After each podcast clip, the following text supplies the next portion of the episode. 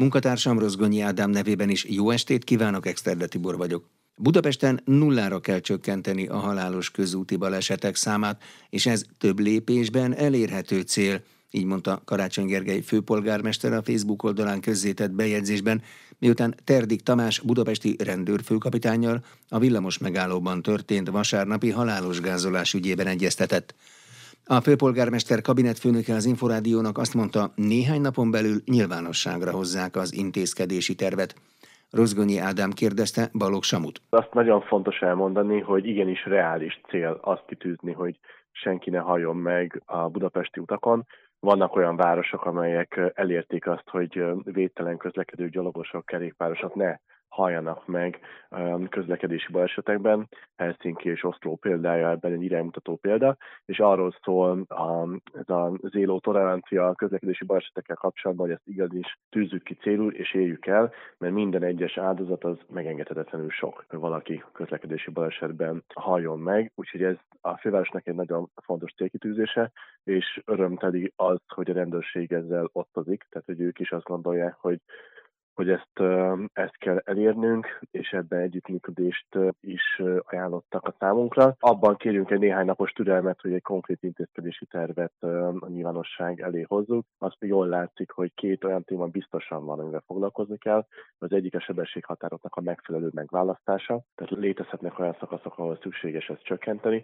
A másik pedig a sebességnek a betartatása, tehát hogy valóban annyival is közlekedjenek az emberek, amennyivel ott megengedett. Már a tegnapi napon is történt egy, egy másik halálos baleset Csepelen, tehát jól látható, hogy kezdődik el ezzel a, a témával valamit, és ebben a sebességnek kulcskérdése van. A sebesség ellenőrzés is változhat? Mi azt gondolom, hogy mindenképpen változnia kell, ebben ugye nagyobb részt a rendőrségre vagyunk utalva, mert nekik áll rendelkezésre olyan jogszabályi és technikai környezet, amiben ezt meg tudják tenni, de ebben mi természetesen együtt szeretnénk működni a rendőrséget, ha tudjuk segíteni a rendőrség munkáját, akkor erre nyitottak vagyunk. Azért nem kívánok erről most többet mondani, mert hogy pont a rendőrséggel is egyeztetni fogunk, egyeztetésben vagyunk, hogy milyen közös intézkedési csomagot lehet elindítani, hogy Budapesten csökkenjen a halálos közúti balesetek száma.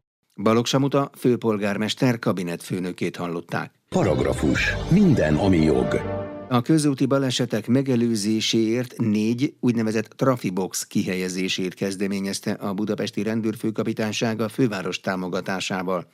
Két sebességmérő eszközt a repülőtérre vezető gyorsforgalmi útra, egyet a Weissmanfred útra, egyet pedig a hatos főútra telepítenek majd, tájékoztatta az Inforádiót a BRFK közlekedésrendészeti főosztályának vezetője. Rozgonyi Ádám kérdezte Balog Ádámot. Ugye vannak a leggyakoribb a vezető baleseti okok, amelyek elsősorban az elsőbségi jog meg a kanyarodás szabályainak megszegése, jellemzően a gyorshajtás, ezek a fő baleseti okok. Ezek közül, illetve még az ittas vagy bódult állapotban történő járművezetés is vezető baleseti oknak számít. Ezen jogsértések valamelyike, vagy több jogsértés egyszerre vezethet a halálos balesetek bekövetkezéséhez. Milyen statisztikákból lehet azt kiolvasni, hogy milyen gyakoriak egyébként az ilyen kimenetelő balesetek? Ugye mi vezetünk statisztikát a balesetek bekövetkezéséről, és van külön statisztikánk természetesen a halálos balesetek számáról is. Azt tudja most esetleg, hogy Budapesten ez hogyan alakult az elmúlt időszakban? Igen, az idei évben, ugye ami 6 hetet ölel, körülbelül 6 hetet ölel fel, eddig 9 balesetben 10 fő mint el közlekedési baleset mhm. során. Ez mennyire számít egyébként kirívónak? Ez magasnak mondható. Sajnos ugye előfordul, hogy a közlekedésben közvetlenül nem hát aktívan résztvevők, vagy nem közlekedési járművel résztvevők válnak áldozataivá egy balesetnek. Ez minden esetben a sofőr vétlensége, vagy felvethető a felelőssége mondjuk egy gyalogosnak is? Előfordul, hogy gyalogos hibájából következik be a halálos eredményű baleset, jellemzően akkor, amikor nem a zebrát veszik igénybe az útesten történő átközlekedésre, vagy a tilos jelzés ellenére figyelmetlenül lépnek az úttestre, akkor bizony a gyalogos hibájából következik be a baleset. Az elmúlt napokban volt egy villamos megállóban egy halálos baleset, illetve most Csepelen is történt egy. De alapvetően emiatt tárgyalt a főpolgármester a rendőr főkapitányal, tehát hogy korábbi vasárnapi baleset nyújtott adott ehhez sajnálatos apropót? Igazából a halálos balesetek számának csökkentése érdekében történt meg az egyeztetés. Miről volt egyébként ezen szó azon az egyeztetésen? Tehát hogy előzetesen miben lehetett megállapodni, vagy milyen stratégiát lehet kidolgozni majd a későbbiekben? Alapvetően a Budapesti Rendőrfőkapitányság elkötelezett a közúti közlekedési balesetek számának csökkentése mellett, ezen belül pedig abban, hogy a főváros utcáin ne történjenek halálos balesetek, és a balesetek megelőzésére tett fellépés első lépéseként a Budapesti Rendőrfőkapitányság négy darab trafibox kihelyezését kezdeményezte. Ezt főpolgármester úr támogatásával a Budapest Közút ZRT közreműködésével tervezi végrehajtani. Ennek során két fix sebességmérő készüléket tervezünk a repülőtérvezető vezető gyorsforgalmi útra, egyet-egyet pedig a Weiss-Manfred útra, illetve a hatos számú főútra. Ennek önmagában lehet visszatartó ereje ezeknek az eszközöknek? Abszolút, hiszen a helyszínek kiválasztásában korábbi személyisérülése járó balesetek számát és súlyosságát vettük figyelembe, tehát ennek alapján választottuk ki a helyszíneket, amelyekre javaslatot mhm. tettünk a trafiboxok kihelyezésével kapcsolatban. Mindent összevetve mekkora esélye van annak, hogy egy fővárosban, adott esetben itt Budapesten egész évben ne legyen halálos kimenetelű közlekedési baleset? Ez mennyire lehet reális célkitűzés ön szerint? Azt tudom mondani, hogy mi mindent megteszünk annak érdekében, hogy a halálos balesetek számát csökkentsük, továbbá, hogy a személyi sérülése járó baleseteknek a számát, illetve a súlyosságát tovább csökkentsük. Törvénymódosítás szükséges lehet-e ezen célkitűzés eléréséhez? Ez egy nagyon összetett kérdés. Alapvetően önkéntes jogkövető magatartásra lenne a legnagyobb szükség. Én úgy gondolom, hogy amennyiben mindenki betartaná a közlekedési szabályokat, akkor nem kellene halálos balesetnek, sőt személyi sérülése járó balesetnek bekövetkeznie. Balog Ádámot a BRFK közlekedésrendészeti főosztályának vezetőjét hallották. Paragrafus. Minden, ami jog. Három orvost és két cégvezetőt tartóztattak le gyógyászati segédeszközökkel kapcsolatos ügyekben közölte a fővárosi főügyészség. Korábban két nagy akciót tartott a rendőrség, és összesen 11 orvost, 11 cégvezetőt, 6 alkalmazottat és asszisztenst fogtak el és hallgattak ki. Közülük 14 ember letartóztatását rendelte el a bíróság, a többiek bűnügyi felügyelet alá vagy szabadlábra kerültek. Rozgonyi Ádám összeállítása. A fővárosi főügyészség fellebezése alapján a másodfokú bíróság letartóztatásba helyezett az ügyben öt olyan gyanúsítottat, akik eddig vagy bűnügyi felügyelet alatt álltak, vagy szabadlábon védekeztek. Tájékoztatta az Inforádiót a fővárosi főügyészség szóvivője. Bagoly Bettina hozzátette a készenléti rendőrség nemzeti nyomozóiroda 2022. novemberétől gyógyászati segédeszközöket gyártó cégek vezetőivel és a velük kapcsolatban álló orvos orvosokkal szemben bűnszervezetben és üzletszerűen elkövetett költségvetési csalás büntette, és más bűncselekmények miatt folytat büntető eljárást. Mint ismert, az ügyben érintett gyógyászati segédeszközöket gyártó cégek vezetői és a velük kapcsolatban álló orvosok nagy értékben jogosulatlanul igényeltek vissza állami támogatásokat a Nemzeti Egészségbiztosítási Alapkezelőtől. Az ügyben a Nemzeti Nyomozó Iroda nyomozói a fővárosi főügyi ügyészségen is több gyanúsított, köztük a most szóban lévő kettő cégvezető és három orvos letartóztatásának az indítványozására is előterjesztést tettek, ami alapján a fővárosi főügyészség mind az öt gyanúsított letartóztatását indítványozta. Az elsőfokú bíróság döntése alapján azonban ők vagy bűnügyi felügyelet alá kerültek, vagy szabadlábon védekeztek. A fővárosi főügyészség fellebbezett a döntés ellen, mivel a határozott ügyészi állás álláspont szerint a letartóztatás törvényi indokai, különösen a bizonyítás befolyásolásának veszélye, mind az öt terhelt esetén fennállnak tette hozzá szóvivő. A másodfokon eljáró fővárosi törvényszék pedig osztotta a főügyészség álláspontját, ezért az ügyészi fellebezésnek helyt adott, és az elsőfokú bíróság végzését megváltoztatva mind az öt gyanúsított letartóztatását elrendelte. A nyomozás jelenleg is folyamatban van, és az ügyel összefüggésben az ország különböző pontjain létrehozott nyomozócsoportok folytatják a munkát. Különböző okiratok és határozatok alapján rendelhet el végrehajtást a közjegyző, ide tartoznak a hagyatéki eljárás során, illetve más nem peres eljárások során jóváhagyott egyességek is, mondta az Inforádiónak nyilatkozó közjegyző helyettes. Tóth Gábor Mártonnal beszélgettem. A közjegyző szerepe az eljárás legelején kezdődik, az úgynevezett végrehajtás elrendelése tartozik a közjegyzők hatáskörébe. Különböző határozatok, egyességek, illetőleg közjegyzői okiratok alapján történik az, hogy a közjegyző bizonyos törvényi feltételek fennállása esetén a végrehajtás elrendeléséről dönthet, arról határozhat. Tehát összefoglalva az eljárásnak a legeleje, leges, leges legeleje tartozik a közjegyző hatáskörébe. Milyen ügytípus típusokban rendel el a közjegyző végrehajtást? Különböző típusokat különböztetünk meg, ahogy korábban említettem, különböző okiratok, illetőleg határozatok alapján történik a, a végrehajtási ügyek intézése. Az első nagy csoportban az úgynevezett határozatok tartoznak, ezek közül a leginkább ismert a, a hallgatóság számára, én úgy gondolom az úgynevezett fizetési meghagyások, melyek jogerőre emelkedésük esetén végrehajtható határozatoknak minősülnek, de ide tartoznak akár például a hagyatéki eljárás során vagy egyéb más nemperes eljárás során jóváhagyott egyességek, különösen az egyes közjegyzői nemperes eljárásokról szóló törvény szerint külön nevesített egyességi eljárásban jóváhagyott, egyébként a bíróság által jóváhagyott egyességgel azonos hatályú egyességek. Nem önként nem teljesítése esetén a végrehajtás elrendelése, és hát a második, és szintén a, a hallgatóság által ismert vagy ismerhetett témakör az a úgynevezett közjegyző okiratok és a közjegyző okiratba tett kötelezettségvállalás kiváló nyilatkozatok alapján történő végrehajtások elrendelése. Az első két csoport, vagy a két csoport között a lényegi különbség az, hogy az első csoportban, tehát határozatok egyeségek alapján úgynevezett végrehajtási lap kiállítására kerül sor, a közjegyző okiratok alapján pedig úgynevezett végrehajtási záradék ellátásával történik. Tehát a közjegyző okirat végrehajtási záradékkal való ellátásával történik a végrehajtás elrendelése. A joghatás szempontjából mindegy, hogy milyen módon történik a végrehajtás elrendelése, azt ugyanúgy végre kell hajtani?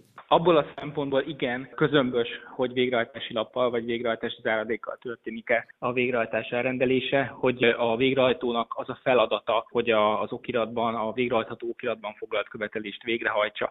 Természetesen értelemszerűen lényegi különbség van a két típusú végrehajtható okirat között, leginkább a, a jogorvoslati joggyakorlása körében, de ebben érdemben szerintem most érdemben nem menjünk bele a kettő között, talán nem ez a beszélgetésnek a tárgya a közjegyző előtt a felek megjelennek? Vagy valamelyik fél kérelmére kezd működésbe a közjegyző a végrehajtási eljárásban, annak is a legelején? I- igen, ez egy nagyon jó kérdés, és fontos is kihangsúlyozni már itt az elején, hogy hitalból nincsen helye bírósági végrehajtás elrendelésének, mindig a mindig a felek az úgynevezett végrehajtást kérő kérelmére kell illetőleg lehet elrendelni a végrehajtást.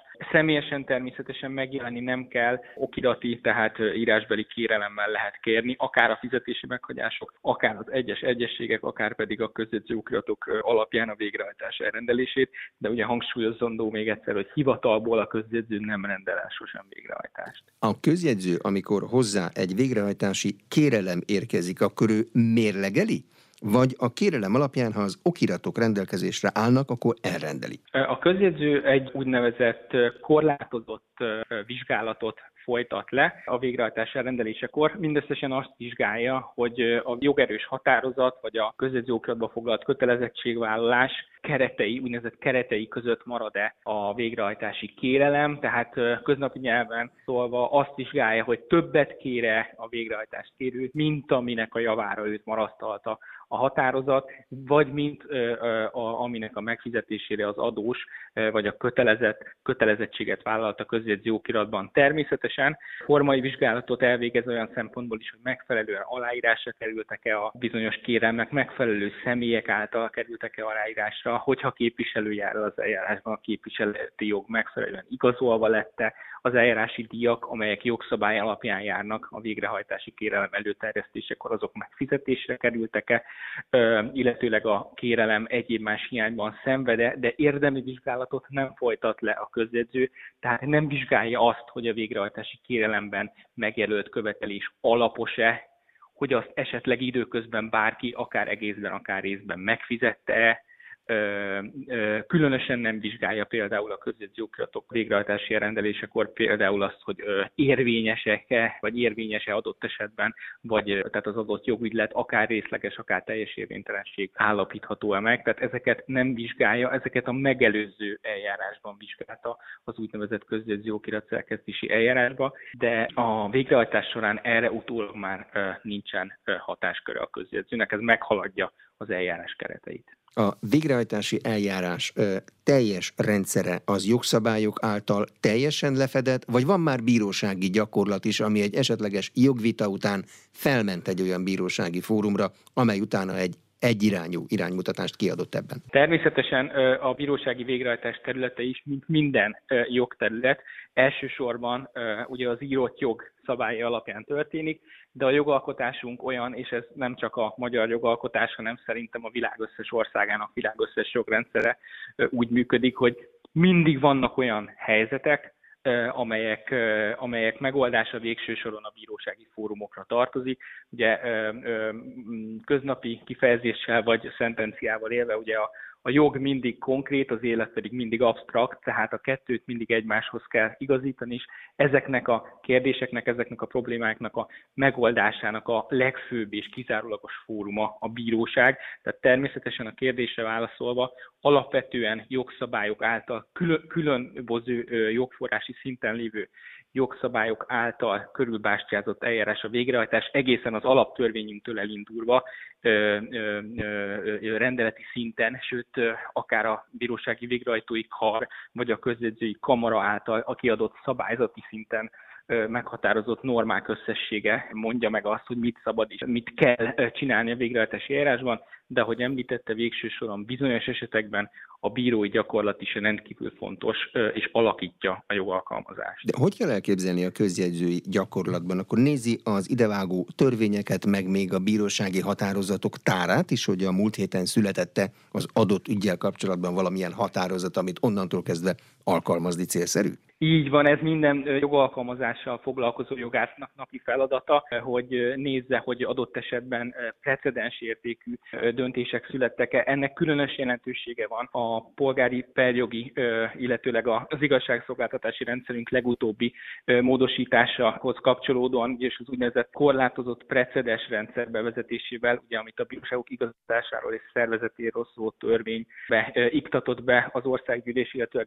bizonyos részletszabályi a polgári perrendtartásra szóló törvényben is megtalálhatóak. Köteles az első fokon, és nem csak az első, hanem bármely fokon eljáró jogalkalmazó szerv figyelembe venni azt, hogy a kúriának a bírósági határozatok gyűjteményében megjelent jogesete az abban írt jogértelmezésnek megfeleljen, tehát ahhoz igazodnia kell, és hogyha adott esetben mégsem ért azzal a jogi, a úgynevezett BH-ban, tehát a bírósági határozatok gyűjteményében megjelölt döntéssel egyet a jogalkalmazó, akkor azt nagyon szigorúan, nagyon alaposan és aprólékosan meg kell, hogy indokolja. Fontos kiemelni, hogy a kúria viszont nem térhet el ettől a jogalkalmazástól, csak akkor, hogyha úgynevezett jogegységi eljárást kezdeményez, és annak eredményeképpen állapítja minden, meg, ami jog. hogy a korábbi precedens értékű döntése az meghaladott, és már más útvonalon kell, hogy terelődjön a jogalkalmazás. De van most ebben a pillanatban, mert a következőben már lehet, hogy lesz olyan nagy jelentőségű eseti döntést, amit a jogászokon kívül ügyvédek, közjegyzők a civil lakosságnak is érdemes figyelembe vennie? Vagy ez a jogászok dolga, és majd ők figyelmeztetnek mindenkit? Alapvetően mindenkinek ajánlatos figyelni ezeket a döntéseket, nem csak azoknak, akik nap mint nap ezzel a területtel dolgoznak, hanem természetesen azokat is, akik adott esetben bizonyos sok területtel érintettek, tehát ügyfélként vagy, vagy egyéb más pozícióban érintettek, de azoknak is, akik nem érintettek, és egész egyszerűen csak érdeklődnek a jogrendszerünk vagy a jogfejlődés iránt kérdésére válaszolva, és ahogy a bevezetőben is szerkesztő utalt arra, a Kuriának volt tavaly év végén egy az általam említett bírósági határozatok gyűjteményében is megjelent döntése, ami érinti a közjegyzői okiratoknak a bírósági végrehajtását is. Kiemelném azon azonban e körben, hogy nem, tehát a kúriának a jogegységesítő gyakorlata az nem most indul, tehát nem 2022-re datálódik a, bírósági végrehajtási ügyekkel kapcsolatban, hanem egészen 2008-2009-re nyúlik vissza, amikor is elkezdték az úgynevezett devizahiteles ügyekkel bombázni az ügyfelek, illetve terhelni a bíróságokat, és egyre több ügyben jutottak el ezek felülvizsgálati szakra, és a kúria gyakorlatilag, mint felülvizsgálati bíróság rengeteg döntést és elvi szintű megállapítást tartalmazott, illetve határozott meg, amelyek az elmúlt 12 évben orientálták a bírósági gyakorlatot. Ilyen döntésnek látszik a mostani döntés is, azonban ez még nem teljesen kiforrott döntés, illetve nem teljes egészében föleli fel azt a kérdést, amelyekkel az adósok bizonyos esetekben jogorvoslati kérelmű keretében fordulnak a közjegyzőhöz. Tóth Gábor Márton közjegyzőhelyettest hallották. Paragrafus. Minden, ami jog. Az Inforádió jogi magazinját hallják. Jó estét kívánok, Exterde Tibor vagyok. A kormány fél évvel meghosszabbította a tömeges bevándorlás okozta a válsághelyzetet, jelentette be a kormányzati tájékoztatási központ. A kabinet szerint azért van szükség erre, mert továbbra is nagyon sokan akarnak illegálisan bejutni Magyarországra. Herceg Zsolt összefoglalója. A tömeges bevándorlás okozta válsághelyzet március 6-áig van érvényben, de a kormány most meghosszabbította szeptember 7-éig. A rendelet arra hivatkozik, hogy a rendőrség és a menekültügyi hatóság tájékoztatása szerint fokozódik a migrációs nyomás, vagyis egyre többen akarnak bejutni illegálisan Magyarországra. Az orosz-ukrán háború, az energiaválság és az áremelkedés elterelte a figyelmet erről a problémáról, de Orbán Viktor miniszterelnök többször is emlékeztetett rá, hogy nem szabad megfeledkezni róla. A helyzet egyre nehezebb, a számok és a tények egyre riasztóbbak. Akik illegálisan vannak az országainkban, azokat vissza kell vinni oda, ahonnan jöttek. Ehhez meglehetősen sok munka és pénzügyi forrás szükséges. Ezt igazán magára vállalhatná az Európai Unió, hiszen ez egy közös érdeke minden európai országnak. Eddig nem jeleskedett az Unió e tekintetben, szeretnénk, ha itt jobban teljesítene.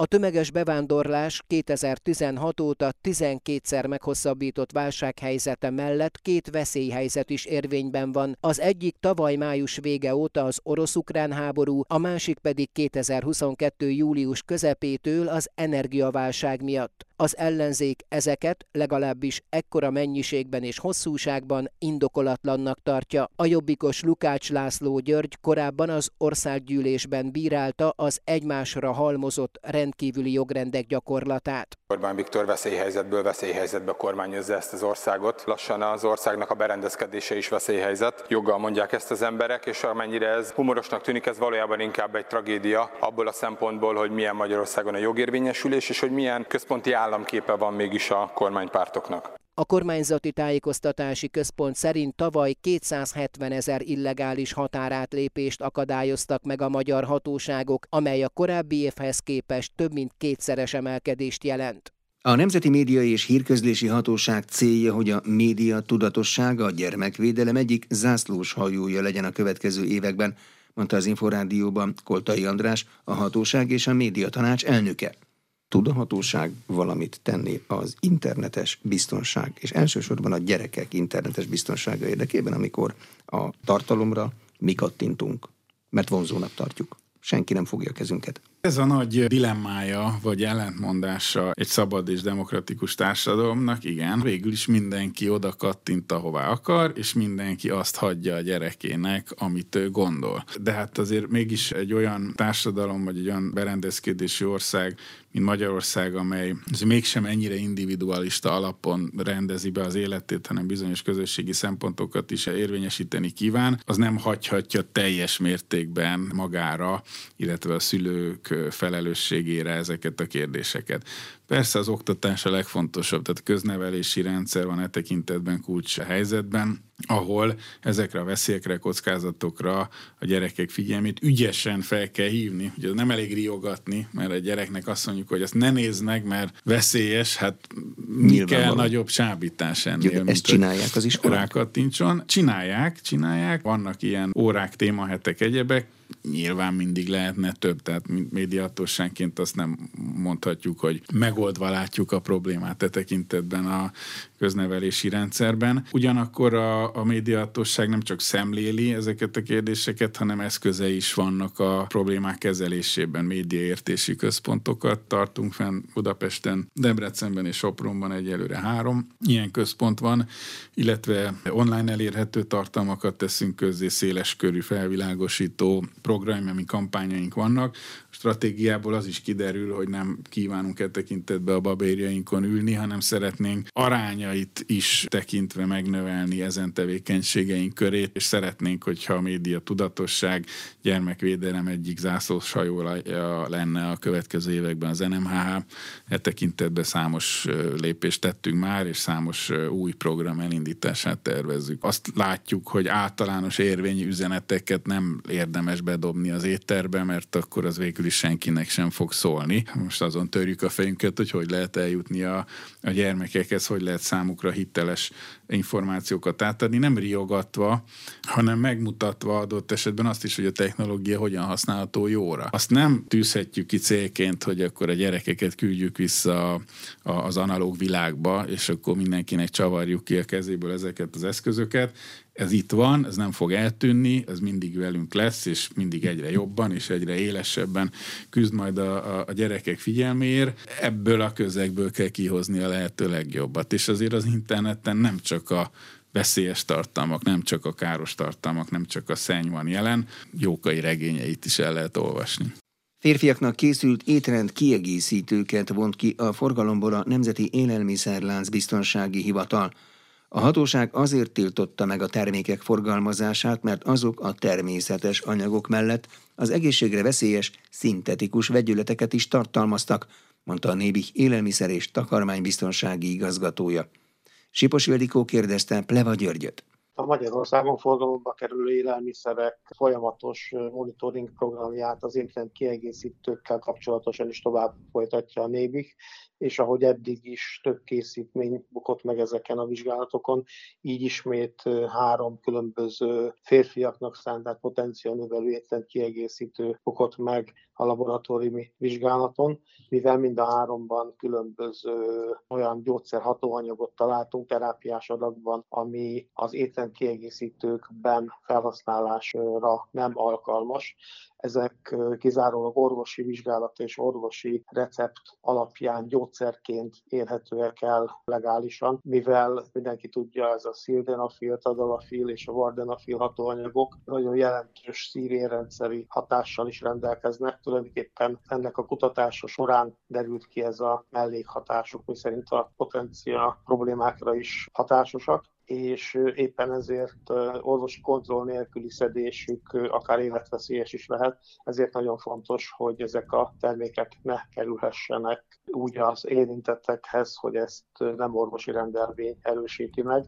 A termékeket a forgalmazónál azonnal kivontuk a forgalomból, viszont ahogy eddig is a forgalmazási útvonal az eléggé zavaros, és éppen ezért volt fontos, hogy minél hamarabb megjelenni a Nébik honlapján, hogy a vásárlók, felhasználók is értesüljenek ezeknek a termékeknek a hamisított voltáról. Egy gyógyszerhamisításnak nevezünk minden olyan esetet, amikor gyógyszerhatóanyag található olyan készítményekben, amelyek nem gyógyszerek. Az étrendkiegészítők az Európai Unió jelenlegi besorolása alapján egyszerű élelmiszernek minősülnek, mint ilyenek gyógyszerhatóanyag nem lehet bennük, és semmilyen gyógyhatás nem tulajdonítható az ilyen termékeknek. Aki korábban vásárolt hasonló terméket, vagy konkrétan ilyen terméket, annak van-e teendője? Igen, hát mivel normál mintavétel során egy szexshopban került mintavételezésre a termék, ezért feltételezhető, hogy vásároltak belőle, és éppen ezért fontos minél hamarabb eljuttatni az érintetteknek, hogy ez a termék ez veszélyes és nem tanácsos felhasználni, mivel, ahogy említettem, természetes étrend kiegészítő növényi kivonatokon kívül szintetikus gyógyszerhatóanyagokat is tartalmaz.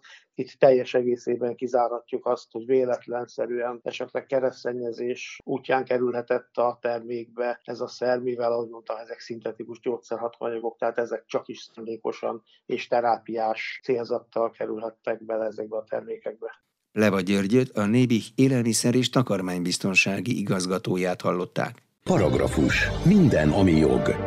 Továbbra is tart a Magyar Nemzeti Bank által indított piacfelügyeleti eljárás az úgynevezett Falkon ügyben.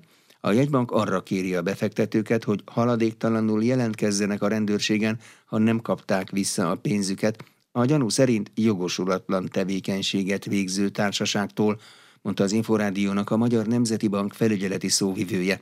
Sipos Ildikó kérdezte Binder Istvánt. Sajnos nem zárult le az ügy egyelőre még, mert tudomásunkra jutott, hogy a piacfelügyeleti vizsgálatunkkal párhuzamosan, még az intézkedésről való tudomásszerzés megelőzően a Falcon Benefit Kft. egy új bankszámlát nyitott, és úgy tűnik, hogy folytatja a tevékenységét. Feltételezzük, hogy a tiltás ellenére jogosatlan tevékenységüket folytatják. Ugye ők három hónap alatt 100%-os garantált hozamot ígérnek ügyfeleiknek, hogyha idézőjelbe vásárlási utalványaikat nem vásárolják el, amiket ők bocsátottak ki. Úgy tűnik, hogy ezt a tevékenységet folytatják. Ezt a számlát is zároltuk, Eközben ugyanakkor olyan híreket is lehet hallani, hogy a szervezők a zárolt pénzeszközök visszaszolgáltatásáról, valamiféle átforgatásáról kriptoeszközökbe itegetik az érintett ügyfeleket, és ezért gondoltuk, hogy mindenképpen jelezzük a nyilvánosság számára, hogy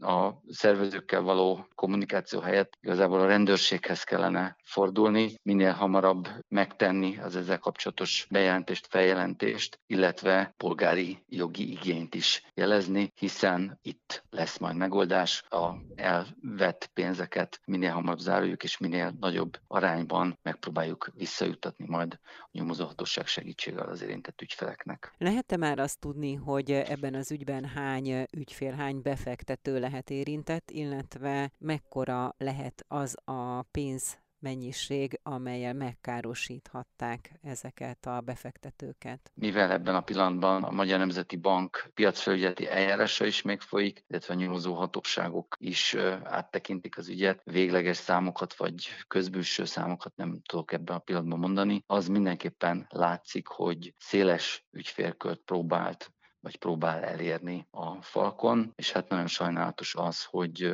az intézkedésünk, illetve az ideiglenes intézkedésünk ellenére ezt a tevékenységet elképzelhető, hogy még nem zárta le. Binder Istvánt a Magyar Nemzeti Bank felügyeleti szóvivőjét hallották. Paragrafus. Minden, ami jog. Jogi magazinnal legközelebb egy hét múlva jelentkezünk. Munkatársam Rozgonyi Ádám nevében is köszönöm figyelmüket, Exterde Tibor vagyok.